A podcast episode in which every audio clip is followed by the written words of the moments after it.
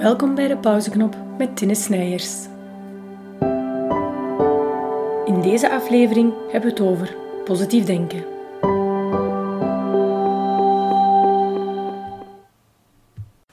Welkom terug allemaal bij een nieuwe aflevering. Fijn dat jullie even mee op de pauzeknop duwen. Even tot rust komen.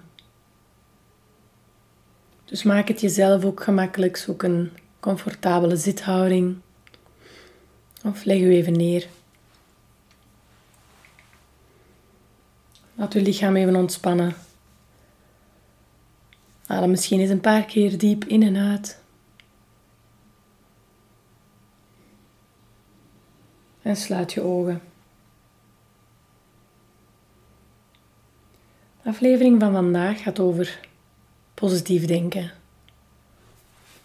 Positieve mindset.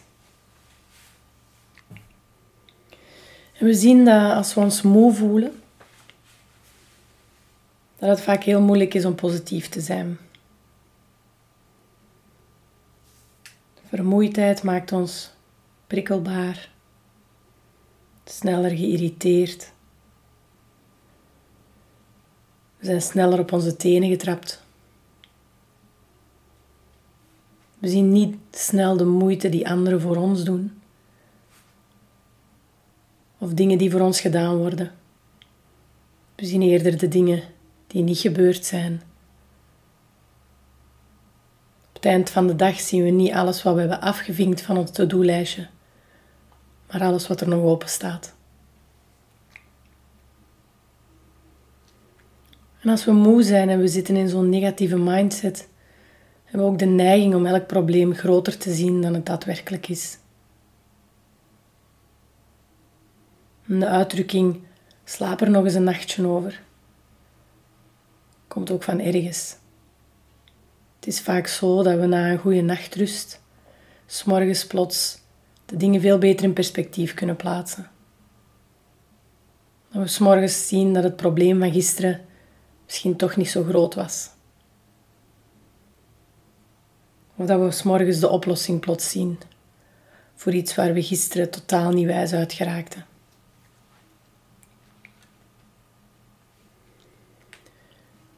En de reden ligt in het feit dat een negatieve mindset een tunnelvisie creëert. We zijn niet meer creatief. We zijn geen problem solvers meer. We verliezen energie en worden daardoor alleen nog maar negatiever. En dan is de vraag: hoe geraken we uit die negatieve mindset? En in eerste instantie kunnen we eens gaan kijken naar onze eigen houding. Van waar komt die negativiteit? Van waar komt die negatieve houding? En dan kunnen we opmerken dat we vaak handelen vanuit weerstand. Als we in zo'n negatieve spiraal zitten, zitten we vaak in weerstand tegen iets of iemand. En weerstand vraagt enorm veel energie. Denk bijvoorbeeld aan de fitness. Als je daar op een fiets zit en je wil meer energie gaan verbruiken, dan ga je de weerstand van je fiets hoger zetten. Weerstand vraagt veel meer energie.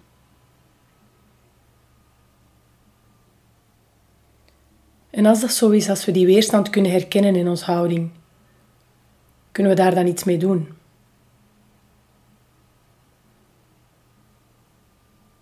De eerste stap is al het herkennen. Waar tegen je in weerstand bent. En de volgende stap is dan om die weerstand los te laten en over te gaan tot aanvaarding. Een acceptatie van de situatie of van de persoon zoals ze op dat moment is. En met acceptatie bedoelen we niks passief. We bedoelen daar geen luiheid, niet over u heen laten lopen, u in een hoekje laten wegduwen. Acceptatie bedoelen we wel een heel bewuste acceptatie. Heel bewust in het nu staan en de situatie aanvaarden zoals ze nu is. Beeld u in dat je wordt verwacht op een afspraak en je staat plots in de file. En je ziet de tijd wegtikken.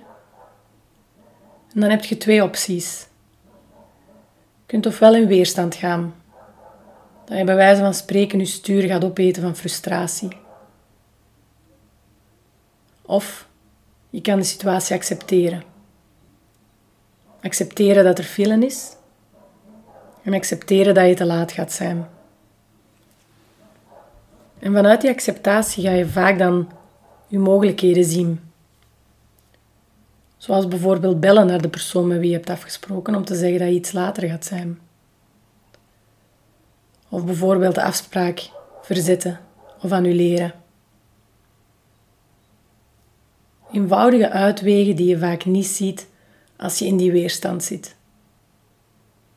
Want dan neemt boosheid en frustratie het over, die negativiteit.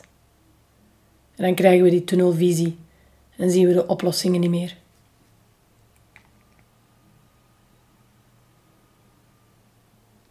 En het mooie gevolg van acceptatie is dat je daarvan kan ontspannen. Relaxatie is als de schaduw van acceptatie. als je aanvaardt, als je de situatie aanvaardt zoals ze nu is, dan laat je toe dat je hoofd en je lichaam kan ontspannen. En vanuit die ontspanning kan je dan nieuwe beslissingen nemen. Vanuit die ontspanning en die aanvaarding kan je actie ondernemen. Niet vanuit weerstand, waarbij je reageert op iets, maar wel vanuit je eigen aanvaarding, waarbij je zelf kiest wat je doet. Neem het voorbeeld dat je misschien niet echt meer tevreden bent op je werk. En elke morgen sleep je je naar je kantoor vanuit de weerstand. Ik haat mijn job. Ik doe mijn job niet graag. En vanuit die weerstand zal je even goed deadlines halen, zal je even goed je werk afgeven en s'avonds terug naar huis keren. En denk eens hoe anders je je zou voelen, moest je vanuit aanvaarding naar het kantoor vertrekken. Vanuit het bewustzijn dat, dat je weet dat op dit moment dit misschien niet de juiste job voor jou is. Maar dat je wel weet dat je leuke collega's hebt. En dat er brood op tafel komt. En vanuit die aanvaarding kan je dan kiezen. Ofwel blijf je, ofwel beslis je om iets anders te zoeken. Maar vanuit die perceptie, actie ondernemen is iets helemaal anders dan vanuit de frustratie en de weerstand.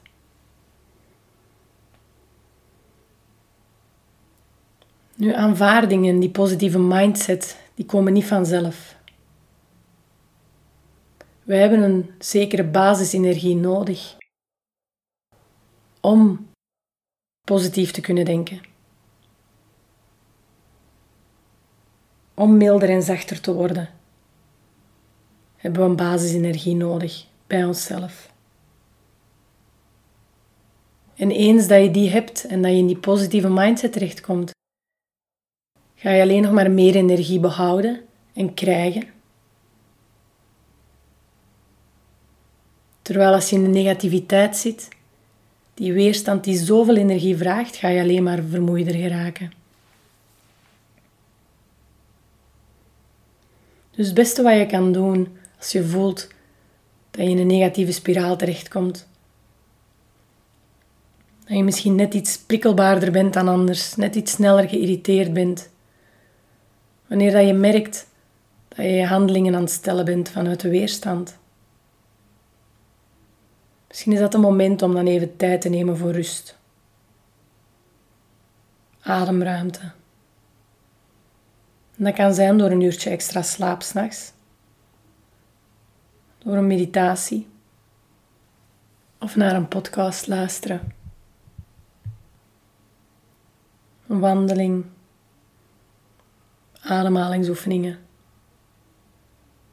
Een manier om uw lichaam en uw geest eventjes tot rust te brengen en terug op kracht te komen. Om op dat moment weer de zaken van de positieve kant te kunnen bekijken. Bedankt voor het luisteren naar de pauzeknop. In onze volgende aflevering hebben we het over irritassis.